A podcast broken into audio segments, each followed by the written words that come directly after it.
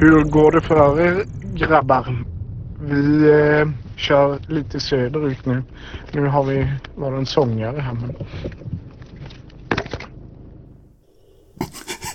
Ja, jävlar. Vet, vet ni vad det där var? Ja, jag råkar veta vad det är. Jag kan gissa. Jag känner ju igen rösten så att jag kan gissa vad det är. Ja. Jonas Johansson som stannar bilen för en östlig kronsångare. Ja, precis. De... Eh, gänget på Norra Udden kör ju med, med vad heter det?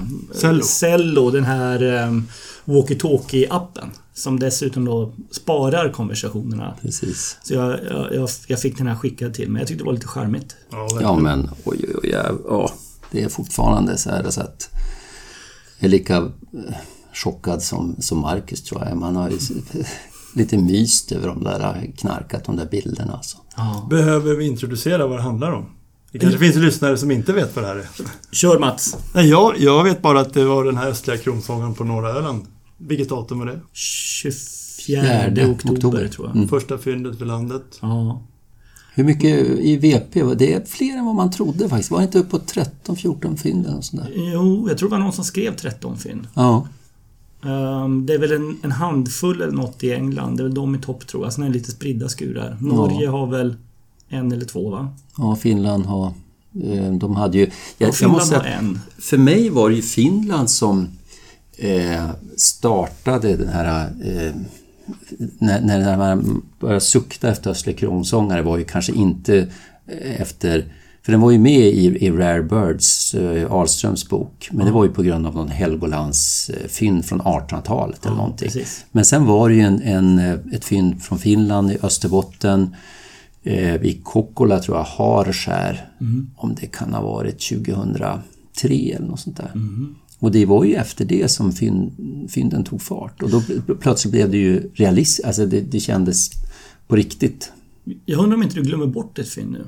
Kanske jag gör. Ja, jag tror det. Jag tror att det första efter fyndet på Helgoland. Mm. För det, det, det var ju ett 1800-talsfynd som du säger. Det var ju nästan så, eller jag, ja, backar vi 20 år tillbaka i tiden så, så tänkte nog jag att, att fan stämmer det här verkligen? Hör, Ja, inte, hör, hör inte det här till de här lite suspekta Helgolandsfynden så att säga. Ja. Men, men sen fångas, det, det fångades ju en fågel i Norge.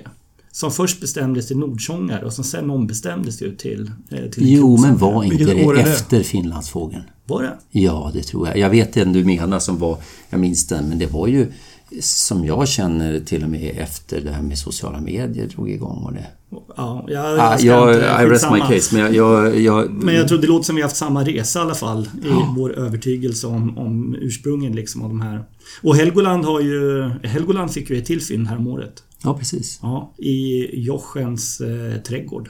Var det det? Ja, Ja, Otroligt. ja. Men då kanske det är en reell ökning, inte bara att vi kan den och att det är skådaraktivitet. Den kanske blir vanligare de facto ja kanske. här borta. Kanske. Mm. För nu har den ju varit, ja, kanske inte årlig i Europa, men, men ja, det går ju inte många år mellan fynden i alla fall. Holland Nej. tror jag vi glömde nämna. Där finns det också minst ett, kanske två fynd va? Det finns fortfarande hopp om en egen kanske. Ja. Ja. Det kan du fet glömma. ja. Jag tänkte att vi skulle börja prata lite grann här om, om kronsångaren. Men jag funderar på om vi ska ta avstamp kanske i en liten intervju som jag gjorde med Marcus. Ja, vad roligt. Ja, och det, den är lite extra kul för det, det var inte en intervju i ordets rätta bemärkelse. Det var, det var så här att jag har en app på min telefon som spelar in eh, samtal. Som jag brukar använda vid telefonintervjuer. Men jag, och, normalt sett har jag den avstängd. Men jag hade glömt att stänga av den. Så jag gjorde en intervju med honom utan att, utan att veta om att... Vad är det för Ja, namn? va- vare sig han eller jag visste om det. Och, och det här har gjort såklart att, att jag har behövt klippa en del. Eh, Men... eh, ehm, Var så kan man den- höra den den oklippta versionen? Nej, den finns inte tillgänglig tyvärr. Du, där, där, eh, alltså i vilket skede pratade du? Du ringde direkt när han hittade, eller han ringde direkt va? Ja, det här var... Ja, fast den här, det här klippet är från när jag själv körde hem från Norra Udden på den tidiga kvällen där. Ja, just det. Jag var ledsen och Marcus var glad. Eh, Men... ehm, ehm, om, om ni tycker att det låter som att eh, Marcus inte ger mig något utrymme här så beror det på klippningen. Det beror inte på... Det beror, Aha, okej. beror inte på någonting annat. Eh, Men så här lät det i alla fall. Tjena. Tjenare Marcus! Jag är dränerad på känsla. Ja, fy fan. Vil- Vilken grej. Uh, östlig kronsångare, Magnus. Jag har inte fattat den liksom. Det är ju en, det är ju en, liksom en våt dröm. Ja, men verkligen. Ja, det var ju helt från blixt från klar himmel. Alltså, det var ju sån uppercut. Ja, och men, det hade jag minst anat också. men Och du, så bara tillfällighet också att vi stannade där liksom. Skulle köra och käka lunch och så bara råkade det vara mycket, ett stort medståg just där att vi stannade till liksom. ja, Det var, det var, vi skulle lika bra gärna bara kunnat kört förbi alltså. Ja, nej men alltså det, jag vet inte fasen vad man ska säga. Jag fick ju panik där när jag, jag såg ju handjagaren, jag bara drog handjagaren. Du vet så som man har dragit handjagaren en miljard gånger liksom i sitt liv. Och så, så bara ser jag liksom en vit eh, undersida på en fågel som sitter mot ljus bakgrund. Och då ser jag liksom att det är en sångare och att den är liksom stor. Och, då, och sen så plötsligt ser jag att vingband glimmar till. Så jag bara skriker vingbandssångare. Och i samband med det så, så ser jag näbben och ser att det är en fet näbb. Och då får jag liksom lite panik redan då. Och då så hoppar den fram ytterligare. Då tycker jag mig ana liksom det här sibiriska lundsångar-ansiktet. Och så då skriker jag det till... Eh, eh, ja, då säger jag till honom att Sibirisk lundsångare för helvete! Och då precis när jag säger det, han, han, han får ju panik. Han hittar ju inte fågeln liksom. Men precis när jag säger det så hoppar den och får en, jag får en tallstam i bakgrunden. ja, Och då lutar den sig fram, liksom så bugar nästan. Och då ser jag världens feta mittben och liksom en mörk kalott. ja, Det, och så bara skriker jag östlig kronsång och Jonas hittar ju inte den och den flyger över vägen och jag hade ju inte kameran då. nej, Och då bara springer jag bara "Gå in, kastar mig in i bilen, får tag i kameran och då ser jag att den har landat i björk. Och då bara trycker jag in avtryckarknappen, liksom bara håller inne den. Och sen zooma upp på displayen och då har den också gjort en sån. Det är den bilen jag bifogade larmet. Och jag bara... Östlig kronsångare! Jonas bara Var är den? Var är den? Var är den? Och sen så fick han äntligen in den. Och det var då jag ringde det så jag tänkte ja, jag har fått ett, alltså, jag har fått ett hjärnsläpp. Jag står här och liksom tror att jag har hittat en östlig kronsångare. Men det, är, det kan inte stämma liksom. Du vet så, man börjar tvivla på sig själv ju. ja, och så svarade inte du och så ringde jag Hasse och så bara "Åh", och sen bara åh fy fan, sen, är det bara, sen har det i ett liksom bara ringt och sms och den här jävla notisen i Birdalarm alltså där min mobil i en och en halv timme bara ding ding ding ding ding ding ding ding ding. Eh, men alltså vilken grej. Och sen så bara försvann den ju. Jag, jag såg ju inte den mer än de gångerna. ja, Men sen så lyckades ju Jonas bara stå han lyckades nästan stå bara placerad på ett ställe där. Så bara hoppar den fram liksom. Han får några bilder, sen drar den igen. Ja, det är fantastiskt att... Eh, ja, men liksom, om jag förstod det rätt så Jonas lyckades vara med vid båda de två återupptäckterna sen också. Va? Han såg den alla tre gångerna. Ja, det, var, ju- det var ju ett sällsynt eh, jobbigt ställe att dyka upp på liksom. Det, Ja, det kan man säga. Jag tror enda, enda räddningen var nog liksom, alltså där brukar vara rätt mycket fåglar för det är ju ofta lä ju. Det blåste ju rätt mycket men där längs hela kanten där var det ju lä och solen stod på ett tag där sådär. Men alltså det, jag sa det, 10 meter den drar in där liksom i spenaten så hittar man ju aldrig den igen. Nej, och det var precis det som hände. Ja, jag tror det. Eller om den har, många av fåglarna var det någon som var uppe och letade upp mot parkeringen till för det brukar ju hamna där uppe till sist. Ja, jo, men det var folk som gick hela vägen upp till fyran. Bland annat Joneran. Ja, okej. Fan, han var inte, du, jag kan säga, han var inte långt från gång tre. Alltså det var minuter det handlade om. Och jag sa när Jonas hoppade ut så sa Jonas den är här igen nu. Så nära var det. Ja, ja. Nej, fy fan. Alltså, ja, det var underbart. Nu har jag parkerat i Mönsterås. Nu ska vi till svärföräldrarna. Hoppas de har någon öl eller någonting. ja. Ha det bra nu. Ja, men detsamma. Du med. Ha det gott. Tack. Hej. Ja, jävlar. Ja, hur fan, man blir, jag får ju gåshud att lyssna på det här. Ja, ja. Kul att du fick den när han fortfarande hade eufori liksom, i kroppen. Ja, Att precis. Man hör, man hör ju det. Han har, han har ju inte landat än. Nej. Nej. Och så, Ja, men och så har han hela, han har. han har ju familjen i bilen där. Man hör ju hans lilla Oscar ligger, han jollrar i bakgrunden där. Och, Ja, gud. eh, det var ju två Jonas som nämnde i intervjun här. Den första Jonas som var med vid upptäckten är alltså Jonas Johansson. Mm. Den andra Jonas som råkar komma lite sent i lobsen här. Ja, nej, men alltså visst, jag skulle jag kunna... gåshud igen. En andra present. Ja, fy fan. Jag skulle kunna vara jätteknäckt över detta, eh, vilket väl... Men jag... För jag var ju ett par minuter från den där. Och det, det på ett vis kanske man är det, men jag måste säga att jag... Eh, jag är inte så knä. Jag är mer uppspelt över obsen och bilderna som, och Marcus eh, förmedling av upplevelsen är ju faktiskt överjordiskt läcker. Jag kan inte smälta det, så jag är faktiskt inte så knäckt. Som, jag, som man kan tänka sig att man skulle kunna vara. Men jag var nära. Mm. Nej, men jag, det är inte så att jag inte brukar kunna bli knä, alltså dra på fåglar som man inte ser. Det är något av det värsta jag vet. Alltså därför så drar jag oerhört sällan. Men det här var ändå, eh, vilken jävla grej. Mm. Mm. Ja. Jag, alltså jag måste faktiskt säga, i kombination med den dokumentation som han gjorde, för det är ju estetiskt vackra bilder också, ja, eh, så tycker jag, jag undrar om inte jag tycker det här är number one. Alltså jag, jag kan inte säga något enda fynd jag tycker är häftigare, alltså rent om jag får sätta mig in i Marcus egen situation. Alltså mm. som, jag, eh, som jag kan räkna upp. Jag tycker det är det häftigaste som har setts i Sverige. Jag undrar om det någonsin har det någonsin skett tidigare att det första fynd har setts så, så kort och så lite av någon? Jag menar, här, det låter som Marcus Ja, men det låter som Marcus hade en sammanlagd obstid på 20 sekunder och det mesta var genom kamerasökaren. Ja, och, och, och sen Jonas vid, vid, vid, två tillfällen där sen också. Mm. Mm. Nej, det, det, du har rätt. Det, det är nog så. Det var ju fantastiskt att, han, att man fick de bilder man fick. Ja, verkligen. Ja. Verkligen. Och jag kan säga att det var de som var mer synd om än mig. Jag, jag tror det var Hasse Olsson. Han var ju, och någon fler också tror jag, som var på Norra udden. Men som stod liksom vid de två gånger som den återupptäcktes. Så stod de 20 meter fel. Ja, just det. Ja, ja. Och äh, Hasse Olsson brukar ju ta bra bilder. Det hade, men han, han såg den inte heller. Nej, okej. Okay. Om man nu inte har koll på Asiens alla Philoskopus, finns det någon som är lik den här? Eh, ja, det, det, finns ju, det finns ju sydliga släktingar till den. Om du går ner i Kina sen eh, mm. så, så, finns det ju. Eh, dels har vi den som, den heter västlig kronsångare ja. idag va? Och sen så har du den som idag knoppats av från västlig kronsångare som heter, nej mindre kronsångare menar jag, som heter Claudias Leaf Wobbler. Mm. För det är Claudia, Claudia förekommer längre norrut än mindre kronsångare va? Det tror jag. Tror jag. Ja, jag, blir lite osäker. Ja. Och, men, och, och, och västlig kronsångare, det är väl egentligen inte Tje, den är ju, är ju västra Himalaya va? Ja, just det. Ja, ja, förlåt, jag blandade ihop den med mindre kronsångare. Mm. Det var mindre kronsångare jag tänkte på. Var det. Men jag tror, om, om man pratar rent bestämningsmässigt så, så visst är det så att ingen utav de övriga har den här svavelgula undergumpen. Nej, i alla fall inte västlig kronsåg. Västlig har inte det. Okej. Okay, ja. Sen behöver ju... Den är ju inte alltid så tydlig på östlig heller. Nej, men, men nej, det håller jag med om. Men Marcus fångade den ju på ja, bilderna. Det, det, syns ju. Mm. Men de här andra ni nämnde, om vi bortser västlig, de är, är de är de väldigt lika i övrigt? Nej, är det så här. Jag kan inte... Den västliga har jag själv ingen erfarenhet utav. Jag har bara sett Claudias. Uh -huh. Eh, det som tidigare var en mindre kronsångare ja. så att säga. Och det, det, är ju en, det är en mindre fågel, den har ingen gul övergump och sen så skiljer den sig lite grann i, i gästteckningen också. Gör den. Mm. Um, så att det, jag, jag, tror inte att det är ingen överhängande förväxlingsrisk i alla fall. Nej. Det här är, det här är en ganska... Det här är liksom en av de lite mer bastanta ja, precis.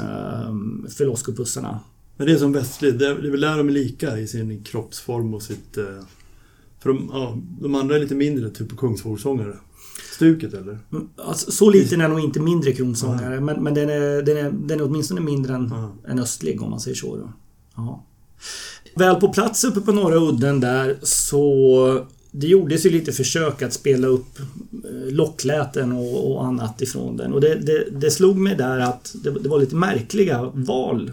Eh, mm. Lät, alltså själva ljudfilerna som spelades upp. Några utav dem är filer som jag själv har upplevt som, som sång innan.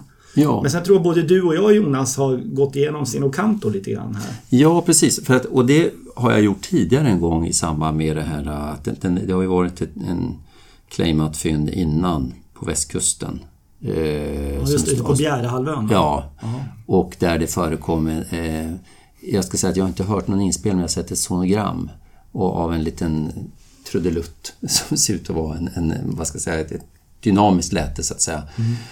Och går man då igenom Sinocanto så är det något som jag Alltså jag tolkar det som det är sångvarianter som man hör och de allra flesta inspelningar är från våren eller sommaren, nästan alla. Mm. Och, och, och, det är sjungande, det är liksom en liten trudelutt följt av en lite strävare ton.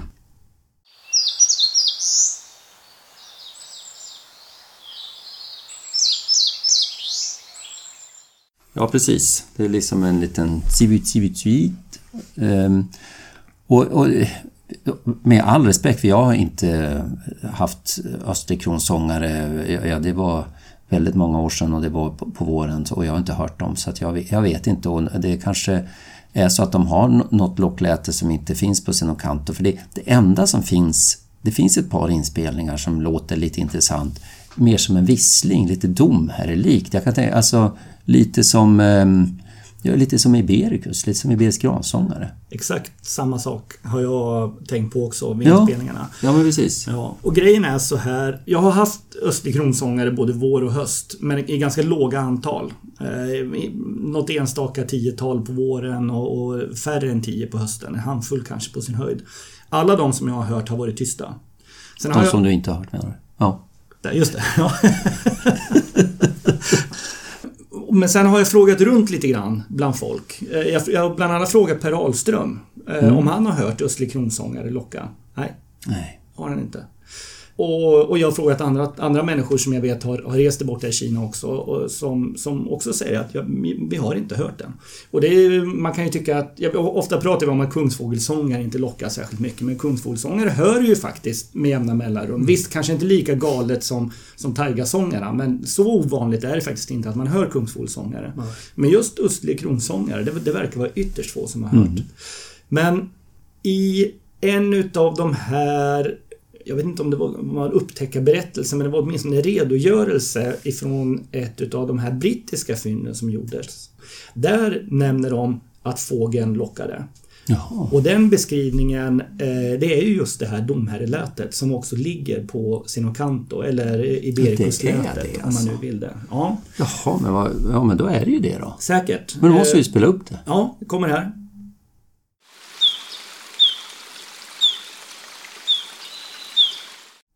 Ja, vad kul. Ja, men, då, men då är det ju det då. Det är det man ska ha Ja, jag, uppmärksam på. Jag, jag tror nog faktiskt det. Men det är också kul att notera att bland de här inspelningarna, för det, det ligger rätt mycket inspelningar Mm. utav Östlig kronsångare på Sinocanto. Det finns inte en enda höstinspelning. Nej, Det är, det precis. är vår och sommar allihopa. Mm. Eh, Så, så det är nog en, en art som nog är ganska snål med locken. Verkligen. Ja, så, så är det ju rimligen.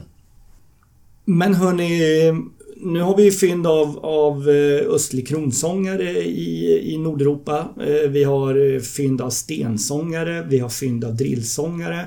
Finns det några Philoskopus-sångare kvar att hoppas på nu egentligen? Vad ska vi nu sukta efter? Ja, du, ja. Du, du är, alltså, är frågan strikt på Philoskopus eller? Ja, Men den här, vad heter den? annars, Mandelli? annars tar det lång tid. Ja, Den här, eh, vad heter den? Den kinesiska... Videsångaren. Den här videsångarsläktingen. Ja, du menar nej, Mandelli? Armand, Armandi. Ja, gulstreckad. Ja. Ja. Ja, men för den delen även Mandelli tänkte jag, alltså bergsta, Ja, kinesiska den är- bergstaigan. ja. Nu kanske vi inte ska dra igång den diskussionen, men den har ju ett litet intressant lockläte som man... Alltså, man ska nog inte utesluta såna alltså de här arterna. Just nu känns det som nästan allt är möjligt när det, när det gäller rekryteringsområde från, för våra rariteter. Och tittar man även på mer centra, alltså, eh, kinesiska och ostasiatiska långflyttande arter, då tror jag nog man, man ska inte utesluta någonting. Nej, men är, eh, är de verkligen långflyttare? Skulle man inte klassa Kanske dem som medeldistansflyttare Ja, det, kanske? det kanske har rätt i. Alltså så långt norrut når ju inte Armandi. Nej. Men du, jag tänkte på det här drill... heller. eh, Om vi får ta vidare drillsången. Du har ju den här... äh, Sakhalin. Bor, ja, Sakalinsången. Borealoi, Borealoides. Ja, precis. Den är ju långflyttare. Å. Ja. andra sidan så... Jag vet inte hur stora... Alltså hur stora numerär vi talar om. Är, det, är den vanlig i Japan? Nej, ja, men jag vet jag inte. Nej, ja, jag vet inte heller. Men visst, så är det. Men du, Eh. och du, du nämnde Tenellipes. Alltså, vad heter den? Eh, Paylegged. Ja, Vad heter den på svenska? Drillsångare. Drillsångare, just det. Men du, vad, vad finns den? För det vet, är, är den bekräftad? För det vet, det var ju någon som hittade... Dels finns det en fältobs ja, och så fanns det någon som hittades död. ja. Mm. Precis. Men fältobsen, är den bestämd? Nej, Fältobsen, det var ju Europas första. Mm. Den är ju godkänd som drill slash sakalin. Ja, just det. Ehm, Men sen hittades det en död några år senare, vad kan det vara, två år sedan, tre år sedan, på Siljöarna tror jag. Mm. Eh, Och den sekvenserades ju och det var ju en Tenellipes, det var en drillsångare. Okej. Var det. Men de är ju jättesvåra att skilja åt, alltså i princip omöjliga eh, utan DNA eller lätesinspelningar. Mm. Locklätena är lika men de ligger på lite olika frekvenser tydligen. Mm. Men du har ju en till eh, nordsångare också va? Ja just det, två till va? Ja, två till, Ja, förlåt. Som tidigare tillhörde nordsångarsläktet. Alltså Santo Dryas och eh, Examinandus. De, jag tror att de heter japansk nordsångare och Kamchatka-nordsångare idag. Ja, just det. Just det. Men jag vet att det var ju lite snack om det när, alltså under den här Fabulous hösten 2016 när de hittade en nordsångare på Öland. Ja. Så, ehm, Den hade ju vingformel som ju talade lite grann för någon av de här två östliga formerna. precis. Men, och jag, jag samlade ju upp fem bajskottar från den. Ja, Eh, men, det, men det var ju inte det. Det var ju en nominat. Mm. Eller alltså, det var en, en borealis, alltså en nordsångare. precis. Men sen var det väl så att någon hörde den också, att den lät som en, en boreal, alltså en vanlig nordsångare. Så kanske det var. Jag, Ja, jag har för hörde aldrig den fågeln. Nej, inte jag heller, men jag tror att eh, det var så. Ja. Ja, nej, man får hålla garden uppe här. Allt som, är- vad som helst kan hända. Hörde ni på tal om konstiga fynd, att det var claimat eh, Padderfield Pippit? Ja, och jag var, på väg, jag var på väg dit också. Jag ska bara säga det, för Mats tog ju upp Armandi här. Ja, Tidigare i höstas hade de också ett fynd eh, av en videsångare i England som genererade en ganska kraftig Armandi-diskussion. jaha. Eh, men jag, vet, jag, jag har missat den. Alltså jag vet inte vart den landade någonstans. Tappade eh, tråden på, på Facebook. Eh, så jag, jag har ingen aning om hur diskussionerna utmynnade. Men, men det var en, en, en ganska djupgående Armandi-diskussion kring en fågel. Och, och, och som du säger här, eh, Jag måste bara... Den här Armandi, vad heter den på svenska då? Gulstreckad Sträckad sångare, just tror det. jag. Ja. Jag minns när jag var i, i Beidai, det var ju länge sedan nu, jag tror det var 92. Då träffade jag någon, och det var ju liksom nya arter där för en. Så träffade jag någon brittisk skådare som frågade lite grann om det där Armandi. Well, it's no problem. Uh, It looks like a rad's, but the shape of a dusky. Jaha, tänkte jag. Det det är okej. No ja. problem. No probs. Nej. Nej, och sen och, och precis som du sa här Jonas så den här Paddyfield, eh, vad heter den då på svenska? Vilket krångligt avsnitt det här blir. Orientpiplärka, är det den? Det heter det nog ja. Mm. Men det verkar de ju ha landat i. Det verkar bli en Paddyfield av Oj, det här. det blir det. Ja, det tror jag. Men, Ja. men däremot, alltså ärligt talat. Det, jag, jag, jag tror ju inte på... I min värld flyttade inte den ens, men det kanske den gör. Ja, men de säger att de nordliga populationerna rör på sig en bit. Mhm. Men det, det låter ju... Det, för mig låter det helt vrickat. Ja. Men vad har de, de har stämt den på lätet? Ja, den är det är precis. Ja, men inte bara läte heller Mm. tror jag. Och dessutom... Den ser ut som en pedofil. Ja, och sen tror jag att de har samlat in någonting ifrån den som är på någon snabbanalys. Men den har jag däremot inte sett. Nej, jag vet att de har samlat in, men... eh, ja. Nej, det, är ju, det är ju helt sjukt. Ja, och, och det är precis som du säger också Mats. Det är ju alltså en fågel i aktiv ruggning. Ja. Jo, den var väldigt... Alltså man såg... eh, Handpennan var helt slätna där. Ja, ja, men, ja, men det är inte bara slitna handpennor. Den har, man ser på någon flyktbild att det, att det växer i armen också på den. Alltså. Mm. Den, och det är ju det, det är ju en sk- skruvad tid. Alltså, ni vet... En fågel som kommer från Asien den beger sig ju inte iväg på en höstflytt som är tio gånger längre än den brukar flytta innan den har genomfört en ruggning. Nej. Alltså, det- fåglar beter sig i sådana fall som våran alpjärnsparv på Gotland gjorde. Den, den drar iväg under våren, den fastnar någonstans, där genomför den sin kompletta ruggning, sen så sticker den. Jo, men den kan ju ha kommit Det var det jag Den kan ju menar. ha varit länge i Exakt. Storbritannien. Jo, det är klart, jo, jo visst. Mm. Men... Men En, du en, menar- en, en vårflyttande Paddyfield Du menar en Ja, nej, pippet men- undgår inte upptäckt alltså? Nej, jag menar bara att det, det, det är så många skruvade omständigheter kring det här. Om, om det nu är en Paddyfield Pipit, eh, kanske man ska säga. Men, men om det nu är det så jag, jag tycker att det, det är så många saker som luktar fisk i det här så att jag, jag, jag kan inte tänka mig men- att man men- köper det här till kategori A. Utan du tänker att folk sitter och, och njuter av den som burfågel? Nej, men det var ju någon som hade hittat Ja. att det fanns i Det är försäljning. sant. Ja, Det var fast, du som sa att när Ja, men- hade kollat upp. ja precis. Men det var ju... Det var ju det jag tror den, de närmsta liksom, till saluskylten hade hittat, det var någonstans i Mellanöstern. Jo, men att den överhuvudtaget finns. Ja, så, så Jonas menar ju att varför, varför finns den som burfågel Ja. överhuvudtaget? Ja, just det. Det är ju Ja. galet. Ja. Ja, nej... Nej, Ja. Tacka vet vi Philoskopus. Mm. Fast de finns ju som burfåglar också.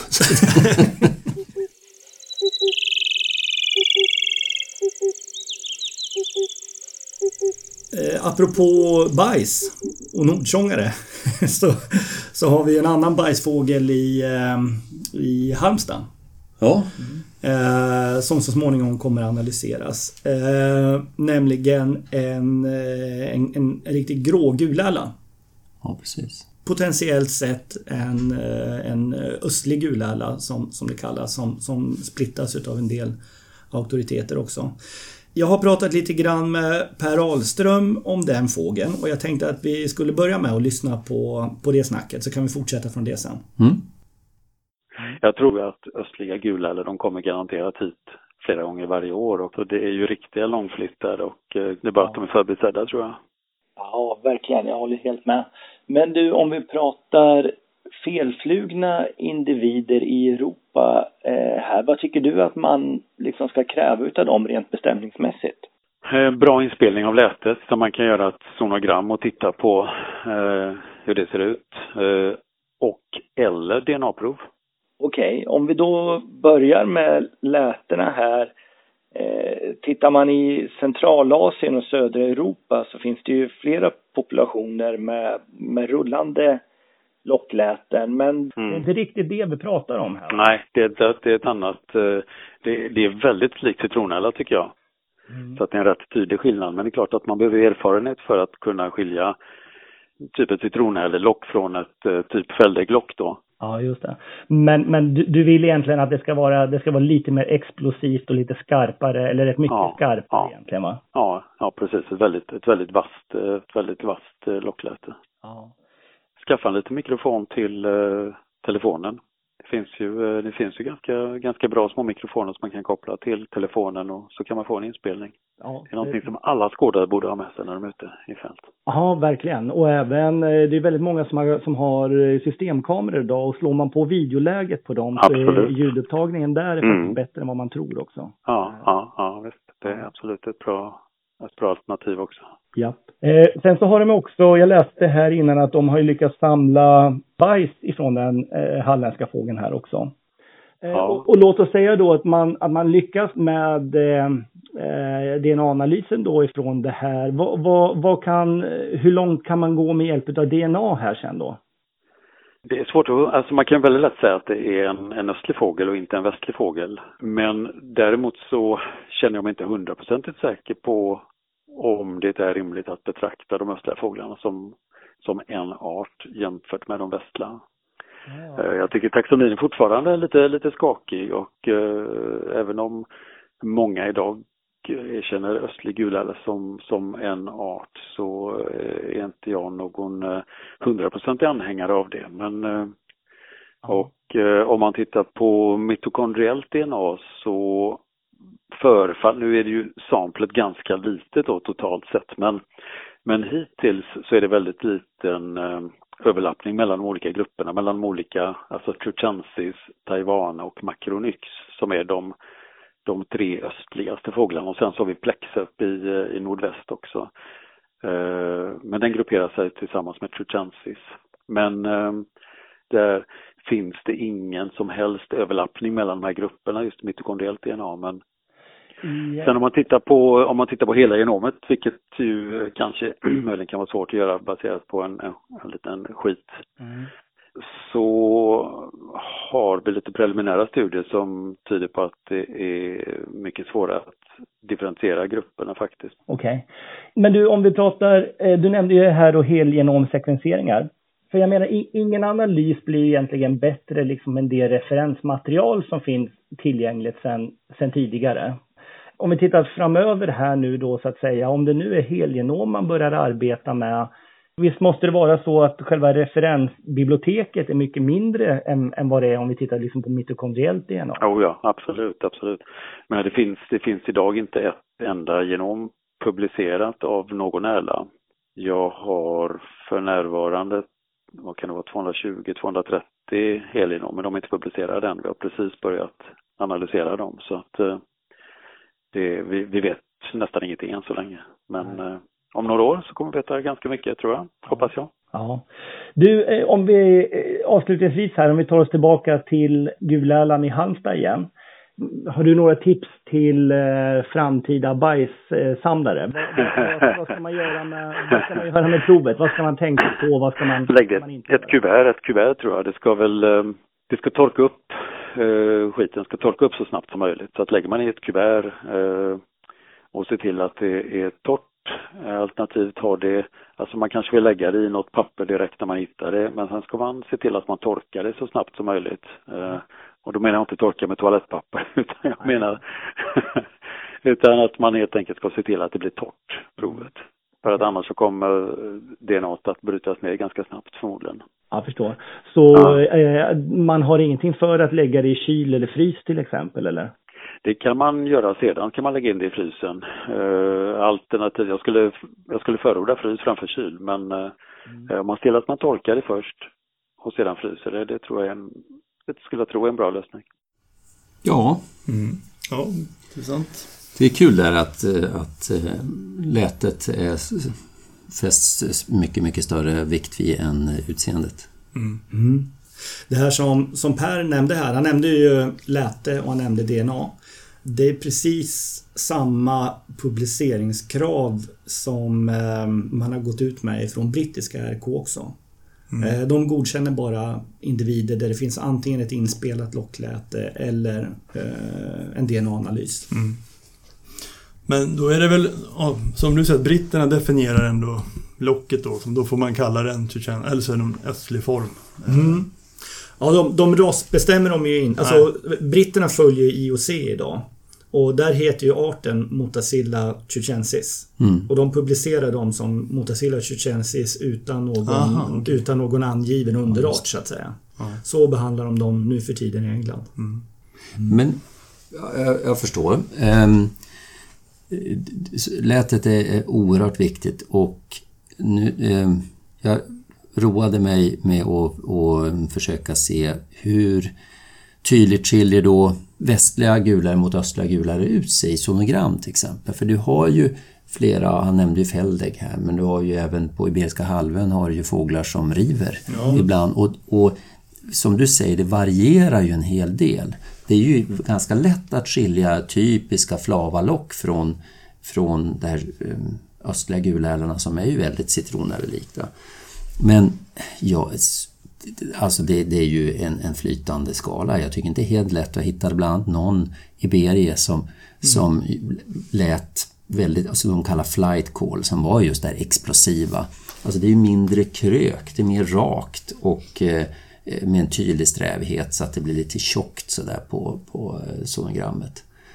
Men det intressanta är väl om man inte har om man inte har en inspelning där man, in, där man inte kan kolla sonogram och lyssna på det ordentligt. Och någon har en, en fågel som ser ut som en tjetjensis, alltså färglös och ögonbryn.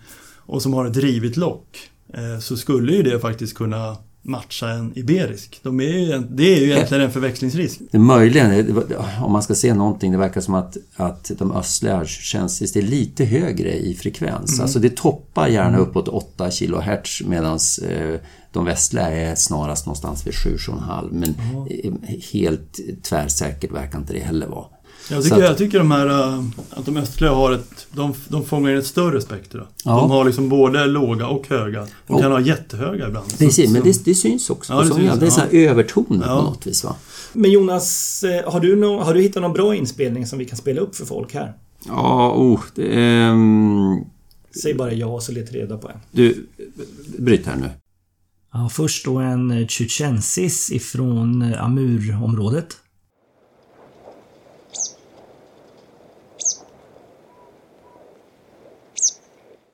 Och här kommer då den östliga gulärlan utanför Halmstad inspelad utav Mårten Müller, ligger ute på Artportalen.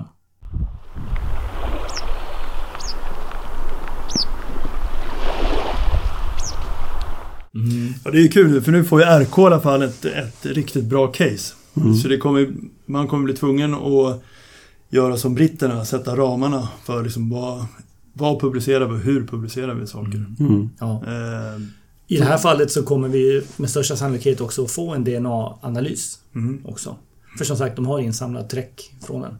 Ja, men som sagt, glöm inte det här. Det, jag menar, i höst är ju tre individer åtminstone då. Eh, och jag menar, det finns ganska väl Tre. Det är Halmstad, Ystad, Gotland. Gotland. Och just det. Det. Ja. Och sen så finns det ju ganska, vad ska jag säga, lite omdebatterade fåglar som, som, som var välbeskådade sedan tidigare. Men där jag inte vet, det kanske finns ljudinspelningar. Jag vet eh, jag har själv sett den på Öland för många år sedan på i Mellbyör som larmade som citronäla. Och jag tror att eh, folk hörde den och men om den är inspelad vet jag inte. Och så var det en Hittarpsrev vet jag, det var en fågel som var välbeskådad också. Så det, Jag tror det är som du många säger. faktiskt. Ja, jag, Jag tror faktiskt också som ja. du säger. Det, det är nog många men, men det är det här med lätesinspelning. Jag är lite dåligt med det tyvärr.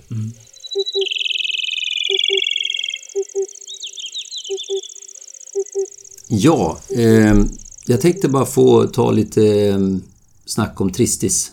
Mm. Det är ju så här, jag eh, har ett litet eh, uppdrag i eh, RK Öland och bedöma lite blanketter och rapporter. Det har ju ändrats lite med tiden där med hur vi ser på Tristis och hur vi liksom ska bedöma dem. Jag menar alla... man säga, va? Ja, det kan man väl säga. Och det var väl inte... Det är många perioder som inte har varit helt lyckade. Det här först krav i stort sett på handhållna fåglar. Och sen då börjar ju det här mycket omdebatterade lätesvariationens gransångare i slutet på 90-talet när man började prata om de här nedåtkrökt lockande, om det kunde vara tristis och inte. Och det vet vi ju med oss nu. Vi har ju haft ett avsnitt här på pjodden till och med när vi har pratat om det där.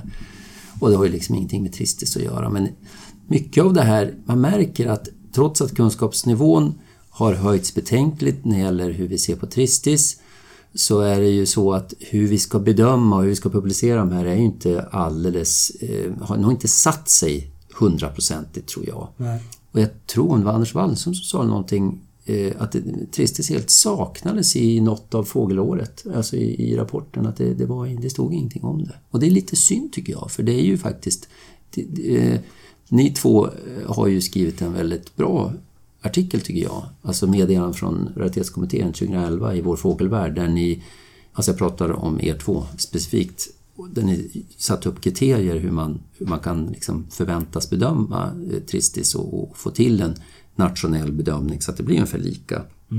Och om jag tolkar er rätt då så är det så att få, alltså, man får ju ändå ställa krav på att det ska vara väldokumenterade fåglar men idag tas ju i princip lika bra fältbilder som det tas handbilder.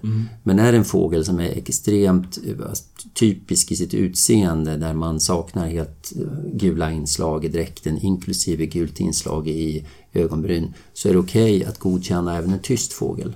Men har man en väldokumenterad fågel som kanske har, du vet i övre delen av ögonringen brukar det vara svårt att bedöma. Det kan gå lite mot, mot eh, beige gult va? men det är, det, det är svårt att utesluta att det är några enstaka gula fjädrar där. Då kräver vi även ett läte som ska vara förenligt med Tristis. Och då kommer vi tycker jag in på en intressant fråga, för vad är då lätet som är förenligt med Tristis? Och, och det är ju det som vi, man brukar beskriva som det här kycklingpipet, oftast um, påminner lite grann om näktergal, ett, ett ipande, helt rakt, vemodigt, inte så sällan ganska lågmält. Även fast en del sjunger ut lite mer så är det en del som är påfallande låg i volym så att säga.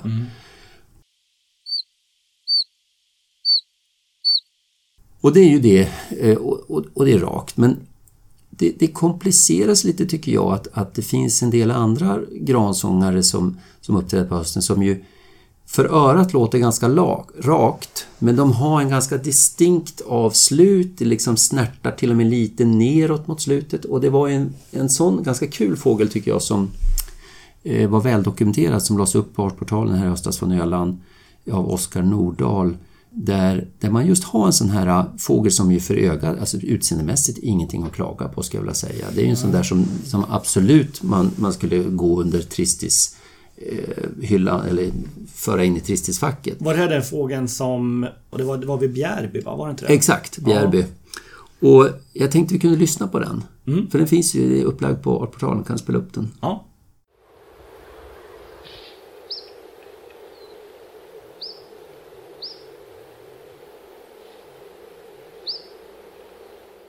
Och när man hör det där så skulle inte ni kalla det för ett rakt lockläte?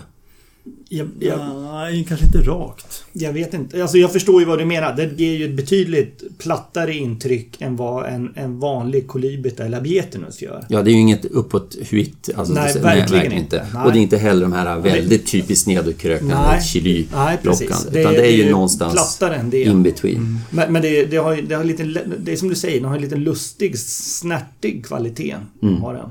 Precis. Och den här, det här avviker ju, tycker jag, ändå ganska tydligt från den typiska tristisen. Verkligen. Ja.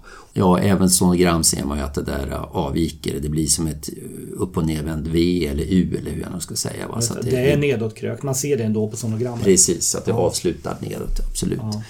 Och det finns ju, tycker jag, läten som är ännu mer Tristis-lika, men som ännu inte riktigt når ända fram. Och återigen, Senocanto är ju en guldgruva nu för tiden när det gäller att försöka kolla in lätsvariation, för det, det blir bara mer och mer läten där ju mer åren går. Och det här fanns ju inte för några år sedan när man började intressera sig för det där. Jag försökte titta, eh, lyssna igenom lite på, på gransångare och så gå längre österut och sådär. Och de här eh, lite mer märkliga locklätena som, som, inte, som man tycker avviker från tristis, den exakta tristisnormen. De hittar man inte öster om Ural. De var där neråt södra Ryssland, eh, i europeiska Ryssland, så, så hittar man de som låter hyfsat bra som tristis men ändå inte. Men längre österut har inte jag hittat några på Senokanto som avviker.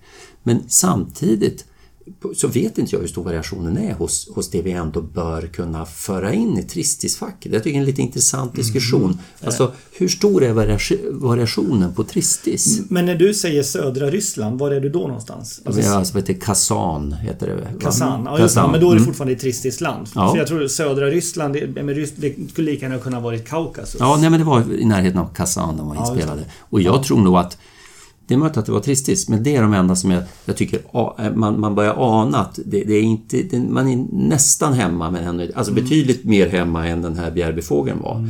Och, Men Kazan, det är väl ändå väster om Ural? Ja. Ja. Ja, så vi är ändå... Är vi inte lite i hybridland? eller? Jo, jo, jo Ja, be- precis. Ja, förlåt. Ja, Ja. När jag sa tristiskt land så menar jag att vi är fortfarande uppe i områden där man kan förvänta sig att hitta en del tristis.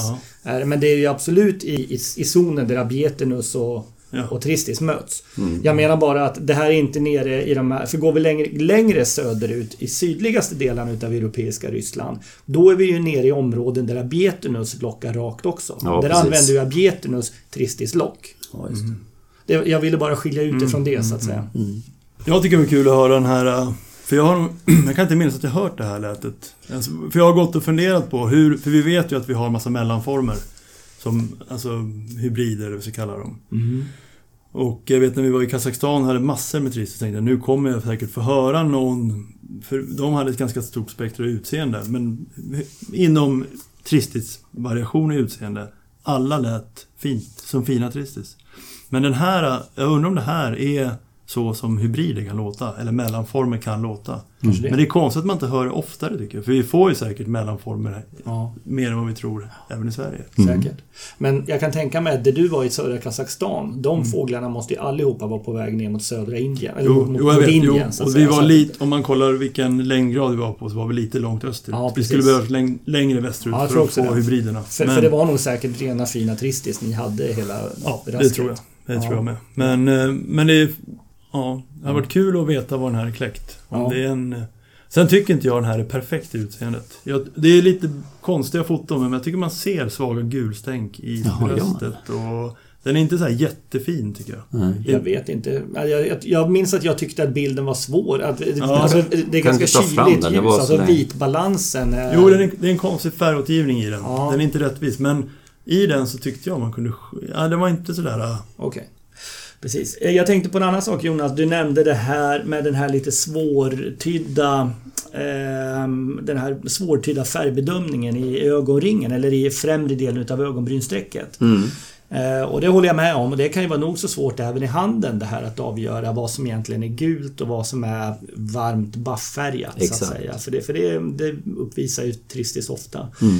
Ett litet trick för de som, så, i alla fall de som, som ringmärker eh, och, och som håller i de här Tycker jag det är att lyfta på vingen och jämföra det med axillarerna. För, för där har du liksom den här citrongula tonen just som man inte vill ha i i, i ögonringen så att säga. Så där kan man ofta få liksom en direkt jämförelse mellan de här olika gula nyanserna. Ja, vad kul.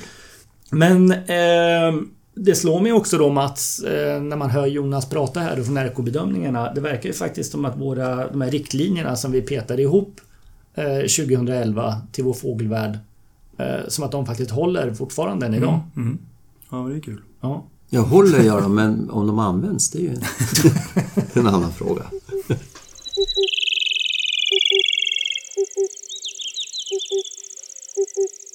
Hörni, jag skulle vilja backa bandet lite grann här och ta upp en grej som vi faktiskt redan har haft uppe på bordet här en gång för något år sedan.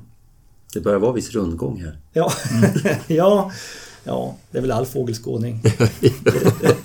Det räcker, det räcker med att det går en vinter emellan, sen är man ju tillbaka där igen. Ja, och man tittar ju på samma vikingares ejdrar varje år. De flyger norrut och söderut. Ja, så är det. Ja.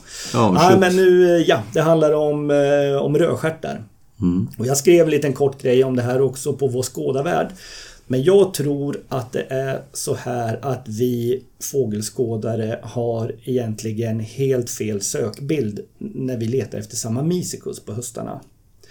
Eh, Jag tror att vi helt enkelt måste ställa om våran sökradar. Vet ni vad det här är för någonting? Nej. Det här är en lista på alla Samamicicus eh, rapporter som ligger inlagda på Artportalen. Oj. Det är många. Oj, oj, oj.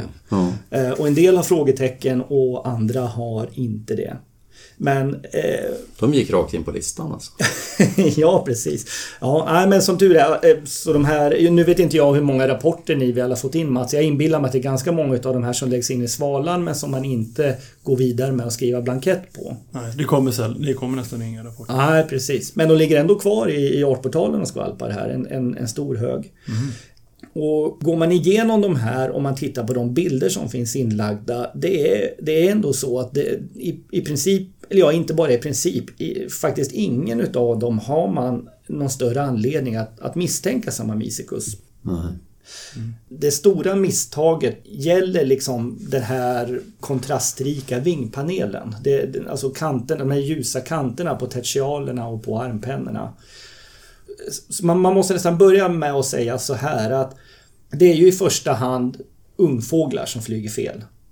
Skulle det mot förmodan dyka upp en gammal Hannes Samamicicus, de är ju så vita i vingen så man, man blir bländad och, och ramlar omkull så att säga. Så, och- och där hade det aldrig blivit något snack överhuvudtaget. Men det är ju oftast ungfåglar vi talar om. Och ungfåglarna, eh, unga rödstjärtar av båda formerna, de byter ju inte sina tertialer innan höstflyttningen utan det är juvenila tertialer och det är juvenila armpennor vi talar om. Och, och här, här finns inte de här stora vita vingpanelerna ens på Samamicicus. Hänger ni på vad jag menar? Alltså juvenila Samamicicus-hannar, de har inte de här vita vingpanelerna. De har precis som våra fåglar så har de bufffärgade kanter som, eh, som ofta är de ju liksom ganska djup buff och, och, och då, då är de ju inte särskilt kontrasterande. Men hos båda formerna så är de med jämna mellanrum liksom ljus, mer ljusbuff så att säga i färgtonen och då sticker de ju av lite mer och, och bildar då liksom tydliga ljusbufffärgade vingpaneler. Och eh, i, i princip alla fåglar, eller ja, alla fåglar som ligger inlagda på artportalen, det är ju såna här så att säga vanliga rödstjärtar med ljusbuff kanter på tertialer och, och armpennor. Så, att, så att det bildar en, en, en fin liten ljus vingpanel helt enkelt. Och den är, den är inte relevant för artbestämningen överhuvudtaget. Det finns egentligen tre saker som man kan hänga upp bestämningen utav unga Samamicicus-hannar på. Dels tror jag att det första man skulle reagera på det är att, att, att, den, är, att den är lite mer adultlik. Alltså den är, den är lite grå, den är kallare grå ovan än vad vår är. Lite mer alltså som, som, som rödstjärt, våra rödstjärtar är på våren. Alltså kyligt grå och inte, inte särskilt bruntonade ovan utan kallare och renare grå. Det är den ena grejen. Och sen så får man gå in i detalj och titta för hos, hos Samamicicus som är en sydligare form så är eh, ruggningen lite mer omfattande än vad den är hos våra fåglar. Eh, så många gånger så ser man alltså postjuvenila, alltså bytta större täckare ganska långt ut i armen, en, ofta liksom i mitten utav armen. Där hittar man rugggränsen medan på våra rödstjärtar, de byter så få större täckare så ofta så ser du inte ens rugggränsen. Den ligger liksom dold under skapularerna. Det är den, det är den andra grejen, det, det är ruggningen. Och sen på de flesta, men inte alla Samamicicus-hannar, eh, ungfåglarna, så eh, det är inte särskilt lätt att se det. Men tittar man, liksom detaljstuderar man tertialerna, så de här ljusa kantbrämen som vi pratade om basalt, alltså innan de sticker in under större täckarna. Där verkar det vara eh, regel, fast inte utan undantag, så att de, att de så att säga, diffust vitnar in mot där. Så, så att de bildar liksom en liten vit fläck mm. eh, innan, de, innan de kryper in under, under, under större täckarna. Men, men den, är, den är inte slående. Den är liksom inte i närheten av vad man ser hos äldre fåglar. Och det är ingenting som man skulle kalla för en, en vingpanel eller någonting. Men en, en, en, en liten, liten vit fläck där. Och, och, och det är nog egentligen bara de här tre grejerna som man har att spela på som så att säga stödjer bestämningen. Och, och sen, är man ju, sen har vi ju såklart locklätet som vi har pratat om förut här också. Mm med Samamicicus som, som har ett, ja, ett tristisliknande lockläte. Eh, ett, ett, ett ipande. Våra svenska rödstjärtar, våra skandinaviska rödstjärtar skiljer sig ju stort ifrån det. Så att säga. De, de säger ju huit, så att säga, tydligt uppåt krökt. Men problemet här är ju då att våra egna rödstjärtar, alltså nominatrasen utav rödstjärt, går man österut så börjar de i IPA någonstans i sydöstra delarna av europeiska Ryssland eller något sånt där och sen vidare österut. Så att locklätet har man heller ingen, ingen jätteanvändning av. Vi, vi vet ju att vi får in de här IPA, de vanliga rödstjärtarna, de får vi ju små vågor utav med jämna mellanrum så att säga. Så att, att en, en, en ipande rödstjärt, det är ju kul och man ska ju alltid kolla upp dem såklart men, men chansen är nog många hundra gånger större att det är en, en vanlig rödstjärt ändå. Även om eh, samma Misikus använder motsvarande läte så att säga. Men det som borde vara, för jag kollade Fågelguiden, för frågan är ju också varför blir det då så många som hamnar fel på höstarna? Är det för att Fågelguiden inte, man kanske skulle ha någon bild som visar att så här ter sig våra vanliga rödstjärtar på hösten. Bara för att, för att, eh, för liksom spegla att Ja, men man kanske tror att det ska... Att det inte får, för vissa fåglar är ju, är ju, har ju mera panel än de här bilderna visar. Mm. Och det är kanske det de borde ha med egentligen. Så ja. man liksom, för att liksom slippa att, ja. att folk hamnar fel och det blir folk åker 100 mil. Och det, och, ja, precis, och, och det här med graden av brämning på tertialer och en på, på hösten har hos vår vanliga rödstjärt det har ingen geografisk hemvist så att säga. Att det, att det, blir mer ju längre österut eller något sånt där. Vet du någonting om det? Inte som jag känner till i alla fall. Inte som jag känner till. Det var ju just en sån här fågel som rapporterades ifrån Gräsgårdshamn på Öland tidigare i höstas här. Eh, jag fick, jag fick helt okej okay bilder på den. Jag kan ta och lägga ut dem på, på vår, eh, på vår Facebook-sida som vi kan eh, ha som, som referens. Det blir bra. Ja, men det är intressant varför då varför man eh, vågar liksom gå ut ganska tidigt med att jag tror jag har en Samamicicus när man är kanske ganska, på ganska djupt vatten. Är det för att det bara är en ras som man vågar eller som man börjar eh, dra till med det? Hade det varit, en, hade det varit artstatus hade man varit mer försiktig då? Så är det nog tror jag. Jag tror också det. Jag, jag ja. tror, att det är, jag tror absolut att det finns sådana... Ja, jag, jag, jag tror att din spaning är korrekt.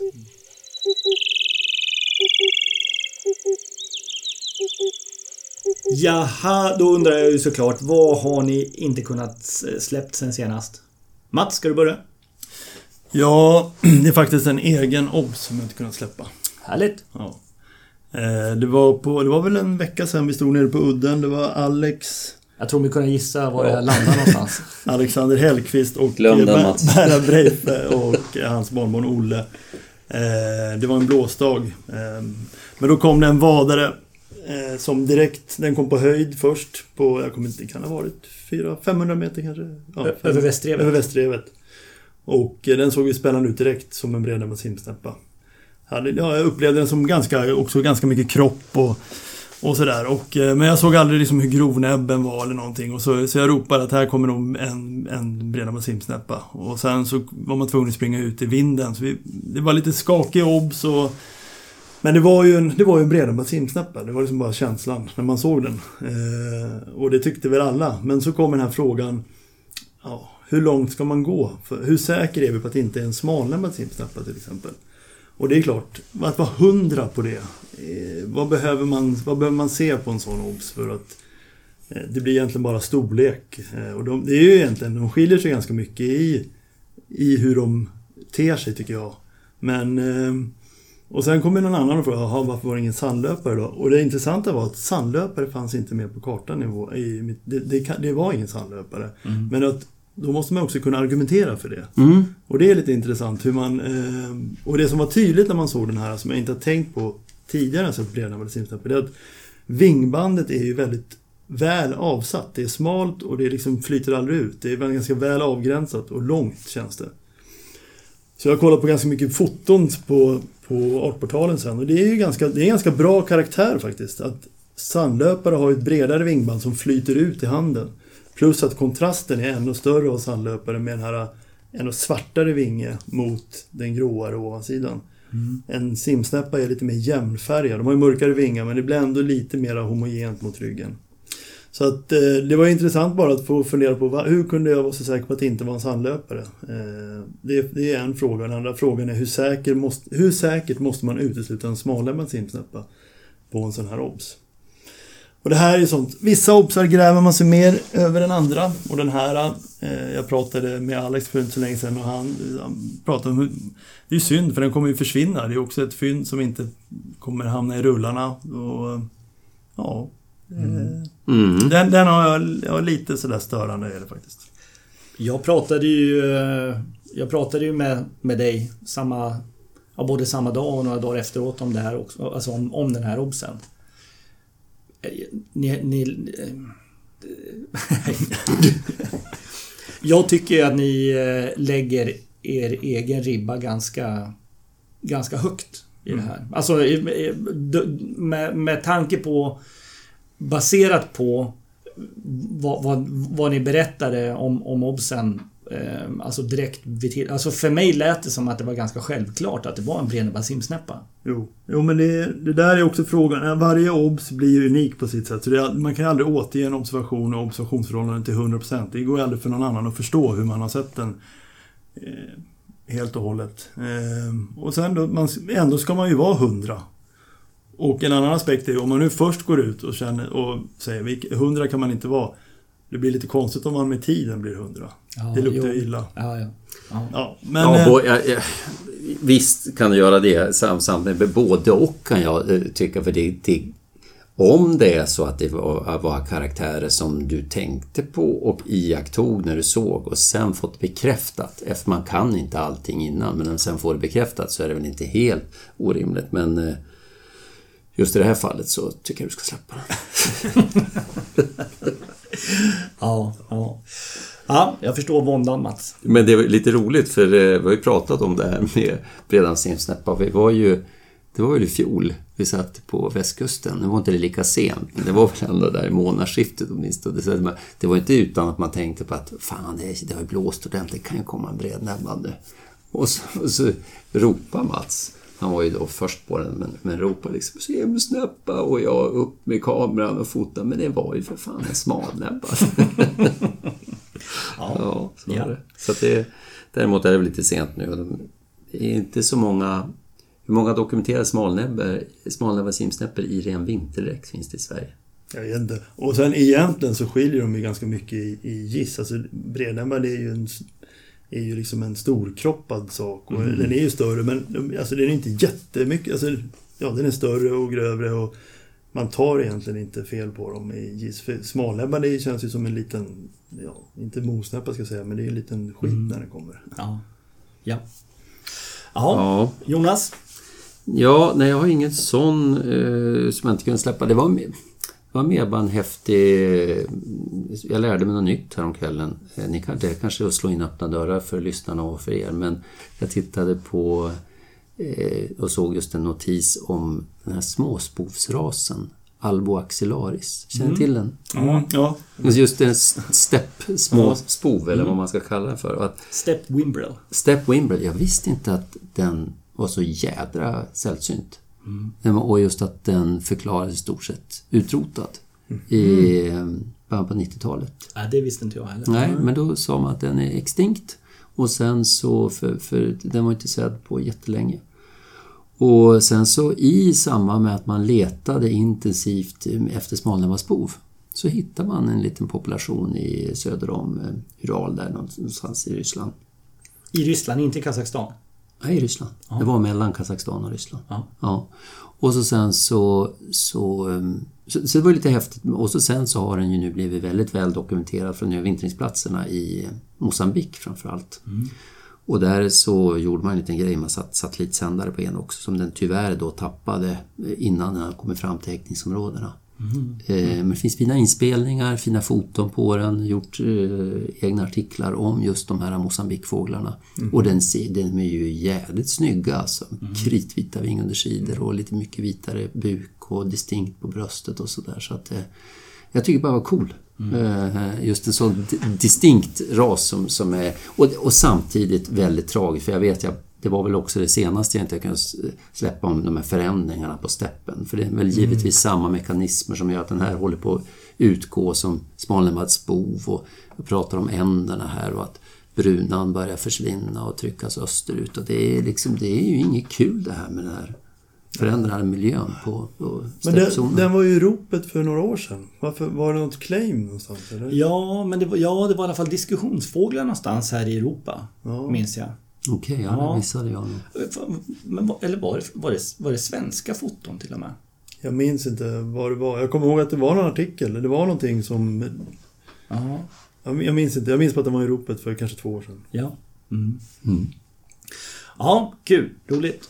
Får hoppas på en, en, en, en sån framöver. Ja, precis.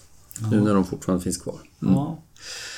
Jag själv är tillbaka lite grann där jag var eh, i förra avsnittet eh, med eh, intervjuer av amerikanska forskare. Lyssnade på en intervju av en, en kvinna som heter Lauren Benedict från University of Northern Colorado.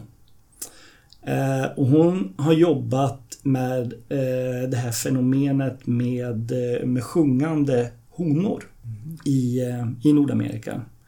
Och det här, eh, åtminstone jag blev, blev överraskad av att höra hur vanligt, hur vanligt det här är.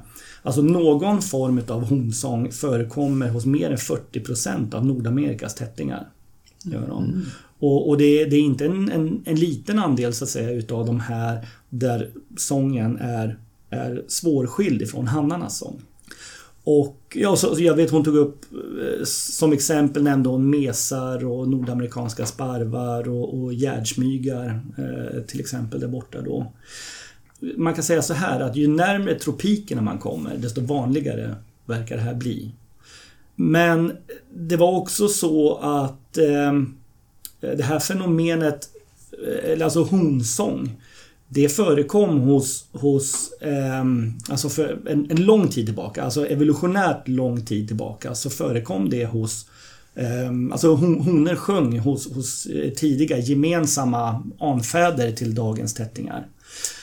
Så det är alltså inte så att honor, honor som sjunger, de har alltså inte utvecklat en sång, utan det handlar om att honor generellt sett har, har tappat sin sång. Och det, det som är intressant är också tycker jag att det är tydligen är det, det, är, det är också samma arter som har utvecklat alltså utpräglade hondräkter. Med andra ord, det är alltså vanligast med honsång bland arter där honor och hannar är väldigt lika varandra. Till exempel, ja, som hon sa här själv då, mesar eller, eller gärdsmygar och, och vad det nu är. Och, och tydligen enligt hennes studier här så honorna sjunger i princip utav samma anledningar som, som hannarna. Det vill, det vill säga för att attrahera partners och försvara revir och, och sådana saker. Eh, och det finns till och med några nordamerikanska tättingarter där honan sjunger mer än vad, än vad hannen gör. Jag, jag tyckte det här var lite spännande och man börjar genast liksom fundera på europeiska förhållanden. Man kanske inte alls ska vara säker på att det är talltitehanen som sjunger där ute i skogen. Det, det, men har ni, nå- har ni några exempel där ni vet att ni har haft en hona som har sjungit? Ja, men det, det är det jag tycker är intressant. För det, det, det stöds ju inte av ens fältintryck. Så att, säga att 40 procent, det måste ju ändå vara det låter som att det är så himla vanligt. Ja, men om du då backar och går tillbaka till det hon sa att det är vanligast bland arterna Ja, där vi nästan inte kan skilja på hannarna och honorna. Ta, du, ja, ta eh, entita, talltita, vi kanske pratar ängspicklärka, vad, vad, vad vet jag, rödhake, jag har ingen aning. Jag har ett Eh. exempel faktiskt. När, när jag var i Turkiet för länge sedan, i början av juni. Och hade en, eh, det var i början av juni, så det var häcktid. Och det sitter en Isabella svenskvätta som är typiskt hontecknad. Den är långt ifrån hantecknad i ansiktet. Och sitter och sjunger. Och då tänkte jag, nej men det är ju kört. Kommer, man kan ju inte bestämma kön på Isabella svenskvätta. Det vet vi ju svårt i och för sig, men den här var så honlik. Ja, just, och, men du utgick från att det var en han eftersom den Den sjöng? som sjöng ja. Och då tänkte Ja, jag, det är, jag, det är Då tänkte jag snarare att det här är ju kokt att könsbestämma Isabella svenskvätter. Men det kanske var en hona som sjöng. Ja. Ja. Ja, jag tyckte det var lite kul i alla fall. Värt Ja, att ha i bakhuvudet framöver. Ja, ja. Jaha, hörni, men eh, jag tror vi säger så. Det gör vi. Ja. Tack, tack. Tack. Thank